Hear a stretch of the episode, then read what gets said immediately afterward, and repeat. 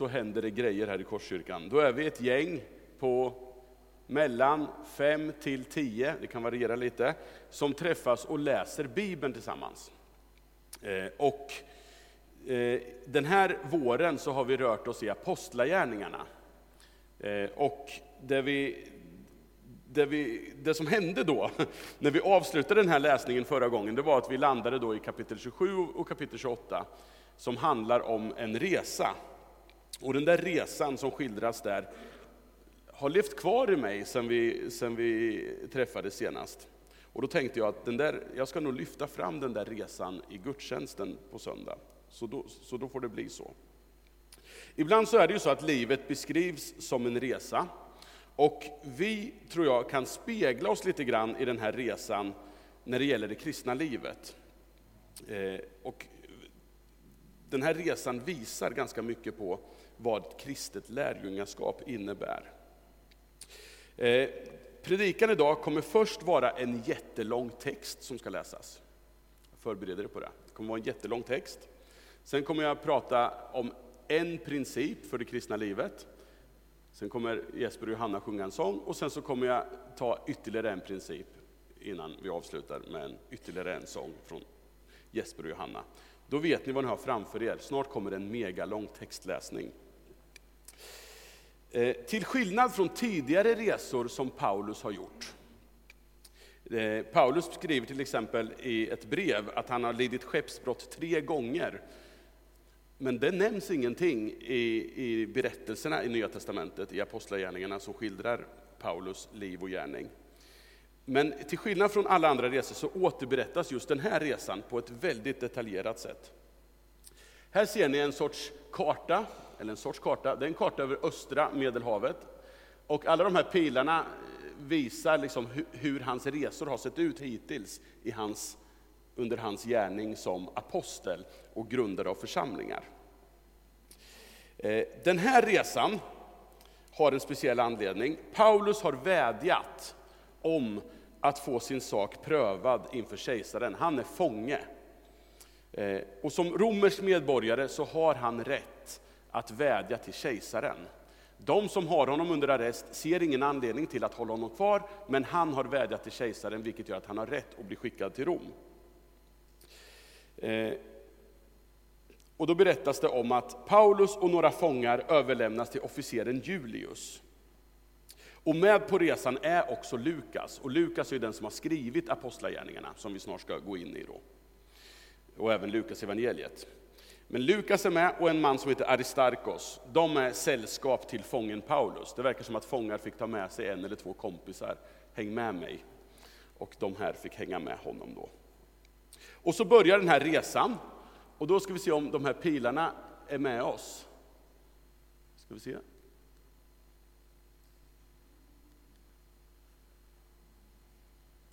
Simon, du får hjälpa mig att trycka lite, får vi se. Där, ser ni? Ja, det är jättesvårt att se. Ser ni att det är en svart pil där? Ser ni? Du, du, du, du. Ni ser den här nya resan som kom där. Ser ni den? Ja. Typ. I alla fall.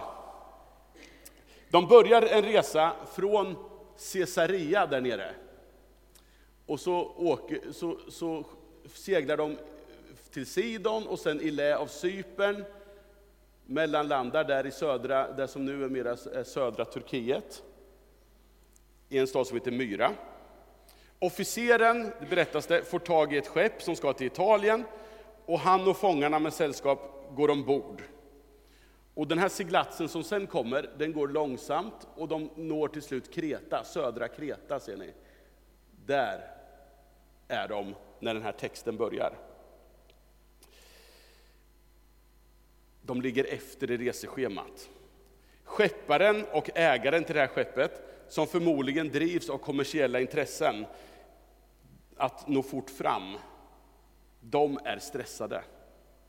Och från mitten av september så räknade man på den här tiden med att det var riskfyllt att segla. Och från november så brukade all sjötrafik på Medelhavet ligga nere under hela vintern. Och nu berättas det om att fastedagen har passerat och den inföll troligen den 5 oktober det här året 59 efter Kristus, då det här förmodligen äger rum. Den här resan som vi nu ska gå in i och, och verkligen leva oss med i. Eh, och vi ska läsa från kapitel 27, vers 9 till 28, vers 10. Och vi står upp under en del av det här i alla fall, så ni inte somnar. Och så känner ni att ni är med på båten här snart.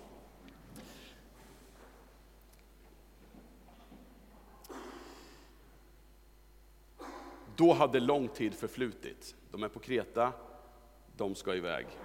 Fastedagen var redan förbi, som jag sa, och det började bli riskfyllt att segla. Paulus varnade dem och sa, jag ser tydligt att resan blir strapatsrik och leder till stora förluster, inte bara av last och skepp, utan också av våra egna liv. Men officeren litade mer på skepparen och fartygets ägare än på vad Paulus sa. Eftersom platsen var olämplig som vinterhamn så röstade flertalet för att man skulle segla därifrån och försöka nå fram till Phoenix och ligga där över vintern. Det är en hamn på Kreta som är öppen mot sydväst och nordväst. Så de skulle alltså segla liksom runt, runt liksom ön upp till västra sidan. När så en sydlig bris blåste upp menade de att de kunde genomföra sin plan. De lättade ankar och följde Kretas kust. Men det dröjde inte länge förrän en våldsam storm, den så kallade Nordosten, svepte ner från land. Fartyget fångades av den och kunde inte hålla upp mot vinden, utan vi föll av och länsade undan för den. Vi kom i lä av en liten ö som hette Kauda och lyckades där med nöd och näppe bärga skeppsbåten.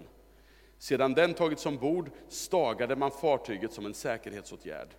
De var rädda för att de skulle driva upp på Syrtenbankarna och därför sänkte de rån och seglade vidare så.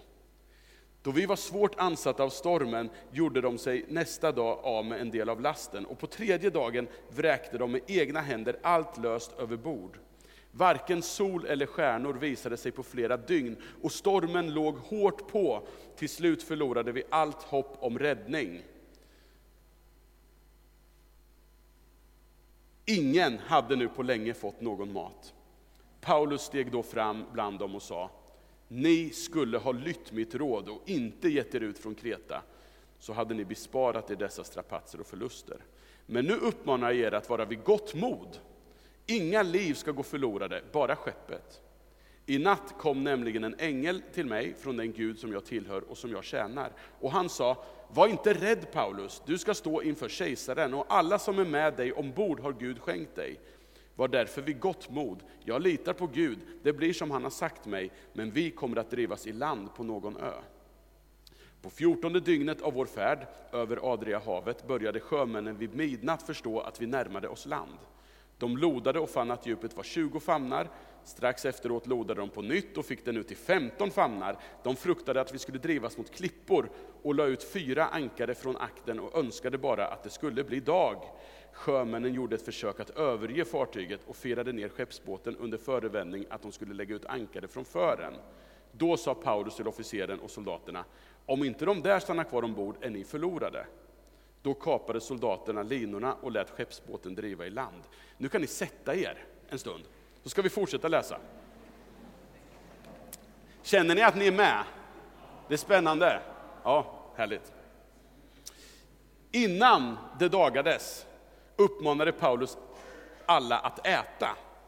Nu har ni varit utan mat i 14 dagar och inte fått någon näring. Därför råder jag er att äta. Det behöver ni för att kunna klara er. Ingen av er ska nämligen mista så mycket som ett hårstrå. Sedan tog han ett bröd, tackade Gud inför dem alla, bröt det och började äta. Då repade alla mod och intog föda. Allt som allt var vi 276 personer ombord. Efter att ha ätit sig mätta vräkte de spannmålslasten i sjön för att göra fartyget lättare. När det blev dag kände de inte igen landet, men de upptäckte en bukt med sandstrand där de tänkte att de skulle kunna sätta fartyget på land. De släppte trossarna och lämnade ankarna i sjön. Samtidigt fällde de ner styrårorna, hissade förseglet för vinden och styrde in mot stranden.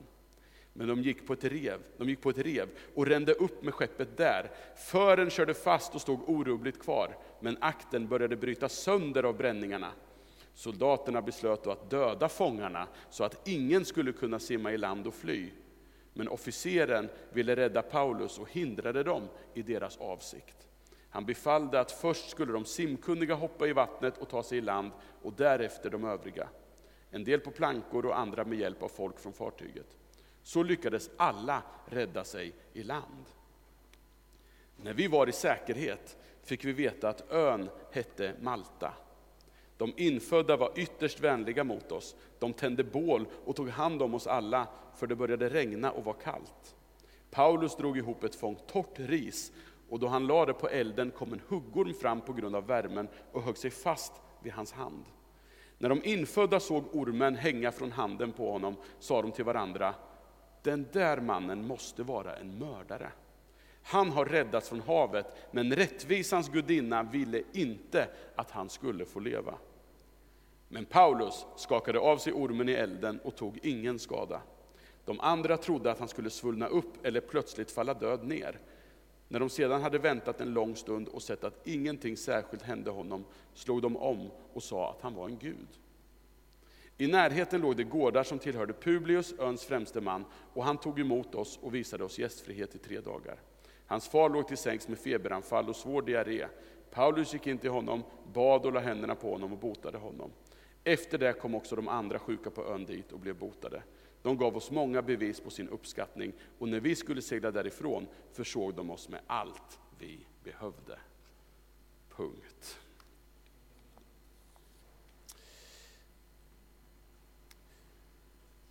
Två saker om de kristnas resa som jag tycker mig spåra i den här texten, som jag skulle vilja peka på.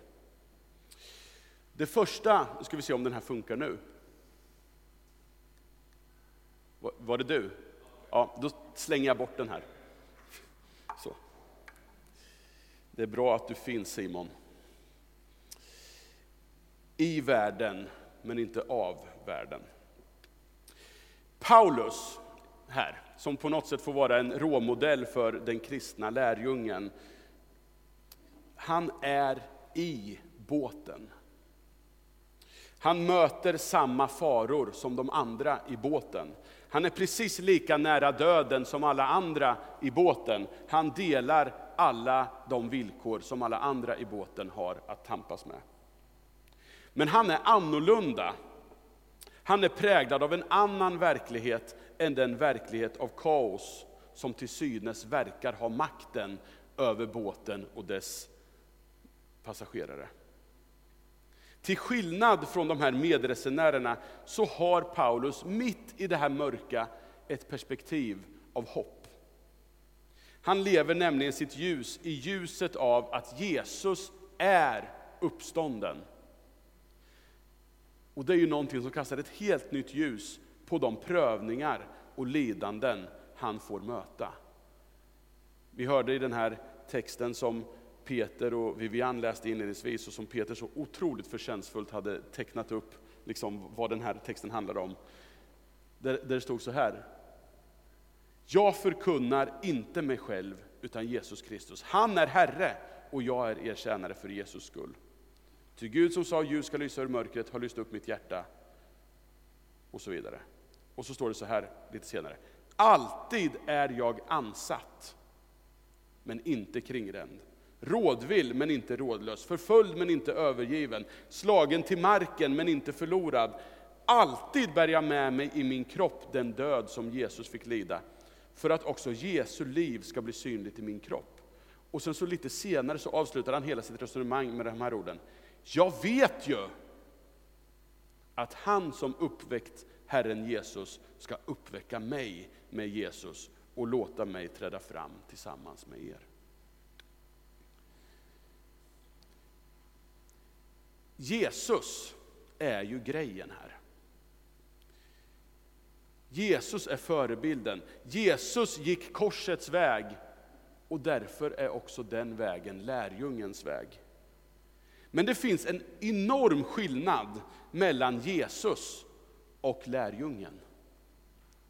Lärjungen följer nämligen Jesus i ljuset av att Jesus lever och att graven är tom.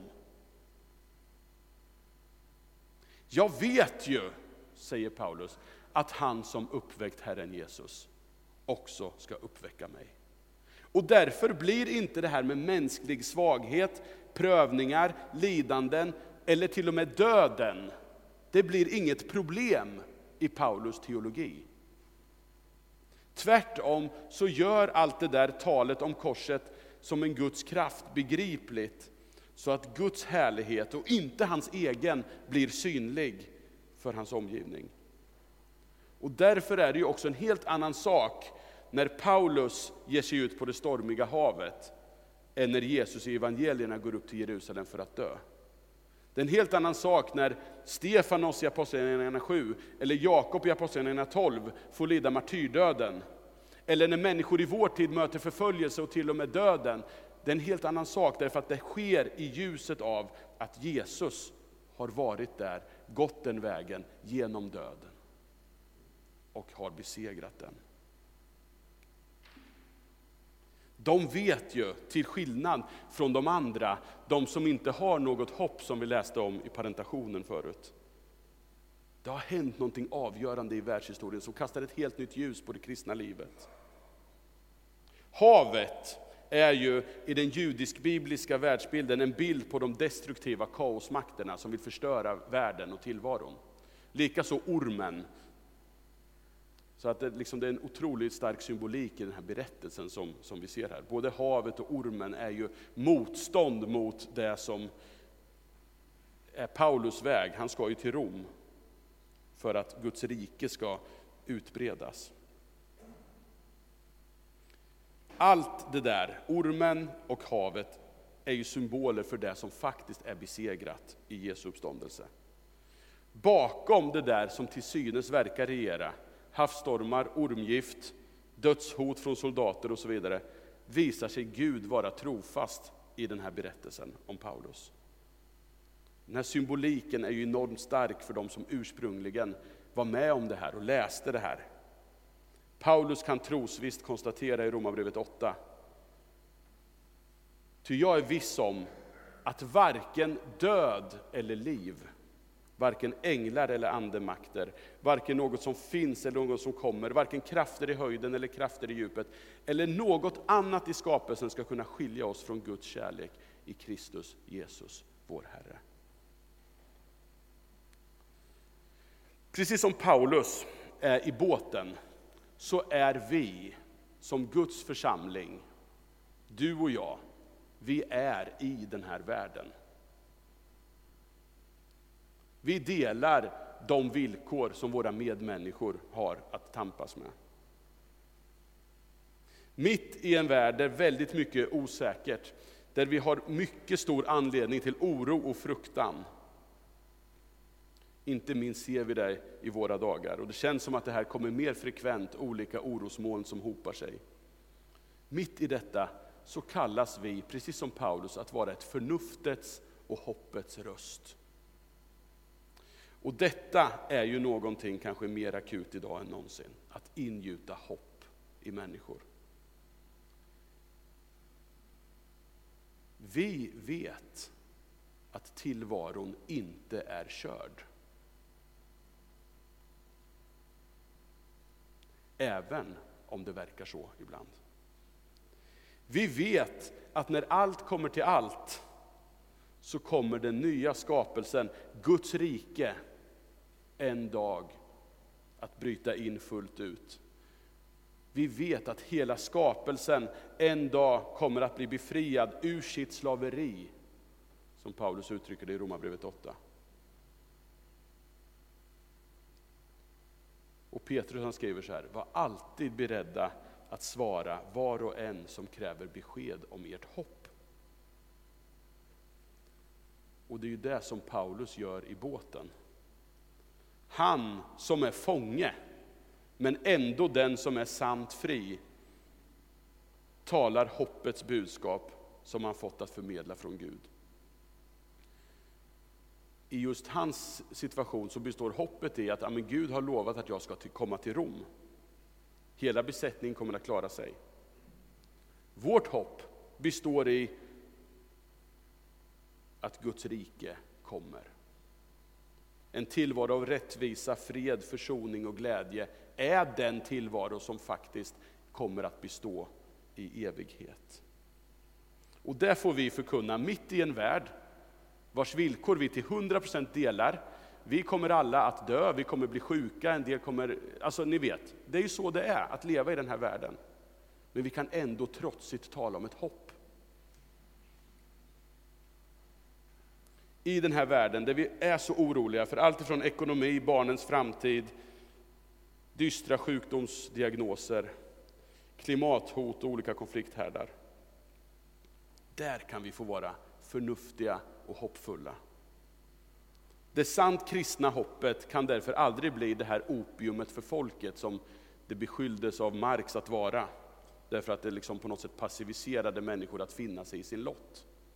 Tvärtom så är ju hoppets budskap något som aktiverar oss från resignation, från apati, som är så vanlig idag inför alla problem som hopar sig och kan tycka oss övermäktiga. Att vara i världen, men inte av världen, handlar inte om någon verklighetsflykt, utan snarare någonting som gör oss redo att kavla upp ärmarna och delta i Guds verk, i Guds mission att rädda den här världen. För vi vet ju att det inte är förgäves. Nu tar vi en sång.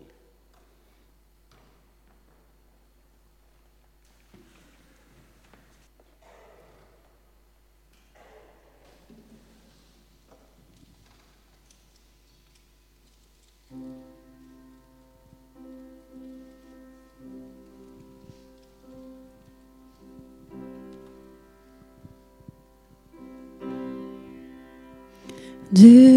kom med din fred, med din kärlek. Du kom nära oss, du kom och gav liv. Du gav ljus. Låt det lysa i oss, o Immanuel.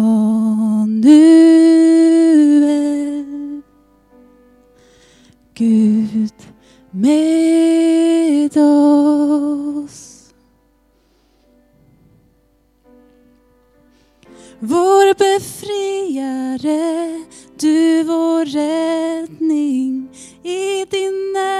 det vi finner vår kraft. Över allting, du vår frälsning, Gud med oss. Du är Gud med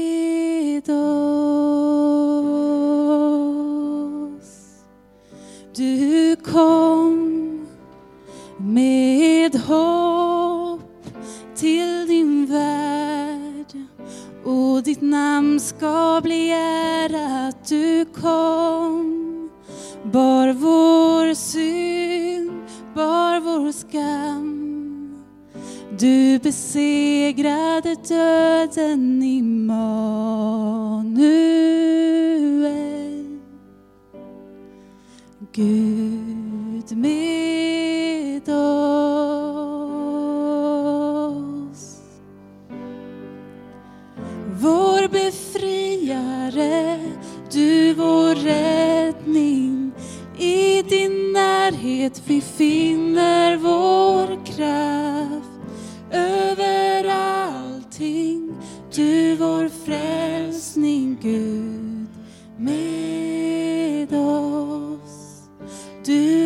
Du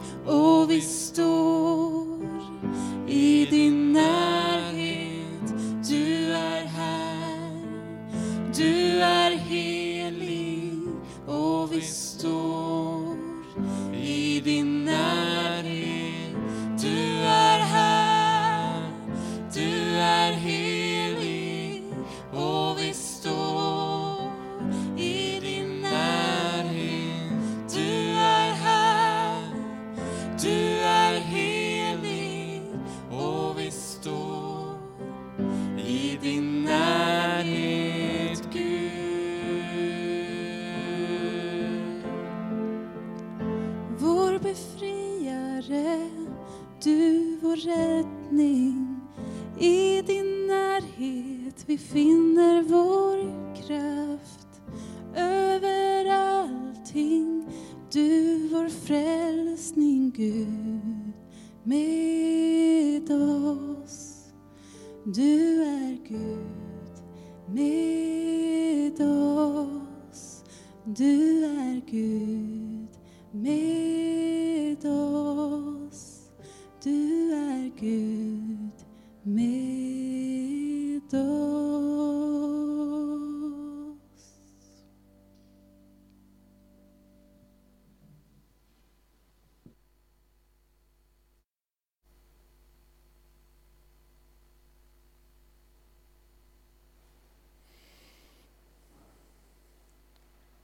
med oss.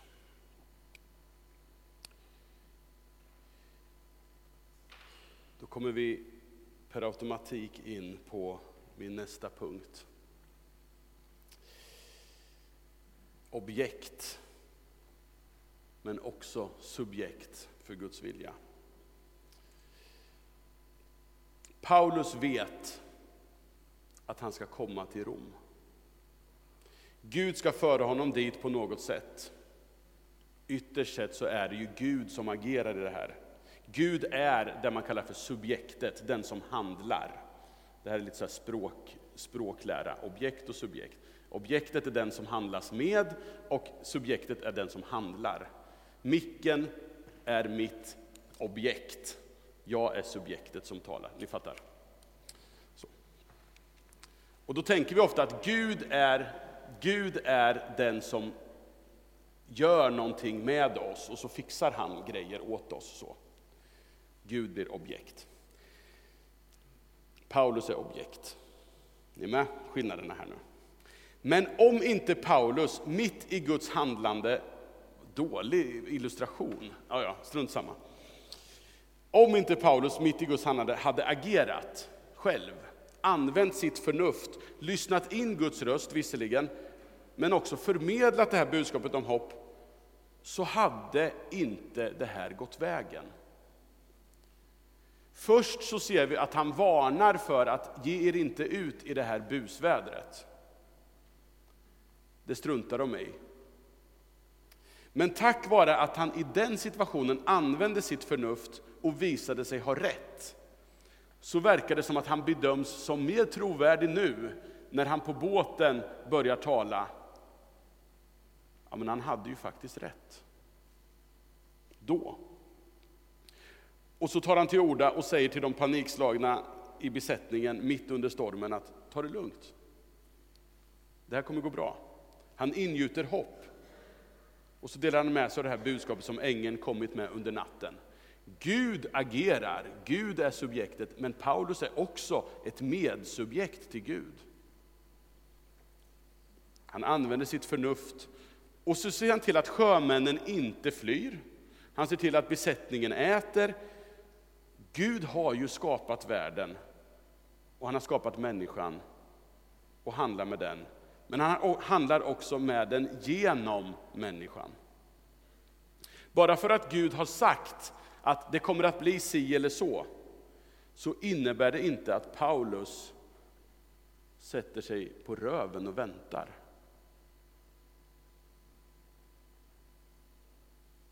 Utan han blir, om Gud har sagt det här, ja, men då, då kan jag börja agera utifrån det. Gud har ju dels meddelat att inga liv ska gå förlorade, det är Paulus drivs han av. Men sen några versar senare när några försöker fly, då säger han, ja, men om de där flyr, då kommer det inte gå vägen. Ja, men hade inte Gud lovat? Ja, men det, ni ser, liksom, det är en dubbelhet i det här. Paulus måste använda sitt förnuft för att det ska gå bra, men han är trygg i att Gud kommer att se till att det går bra, om han använder sitt förnuft. Gud talar och ger löften så att vi människor kan agera utifrån det, verkar det som, utifrån den här texten. Och som kristen gemenskap så bärs vi ju av och samlas kring det här hoppet om den här tillvaron som en dag kommer att bryta in. Gud har gett oss det löftet. Och poängen med det är ju inte att vi ska sitta och vänta på att det här ska komma. Utan det är ju istället ett löfte som är givet för att ge våra liv en inriktning, lite fart. Sök först hans rike. Ja, och hans rättfärdighet, säger Jesus. Så ska ni få allt det andra också. Sök! Leta, jobba för det. Vi ber ju den här bönen, låt ditt rike komma, låt din vilja ske på jorden så som i himlen. Jesus säger att det här, så här ska ni be.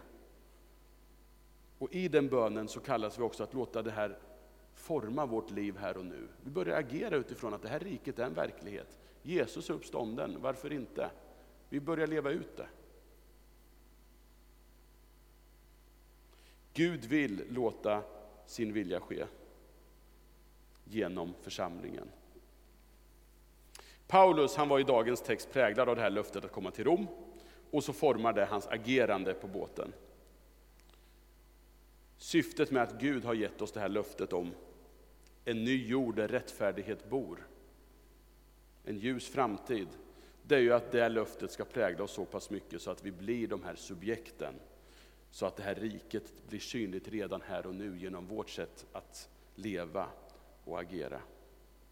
Genom att nu dela evangeliet, genom att nu leva i försoning med varandra, genom att nu vara generösa och dela våra materiella resurser, genom att nu börja ta ansvar för Guds goda skapelse, så deltar ju vi i det här förverkligandet som Gud har lovat, men som vi är satta att också vara med och förverkliga.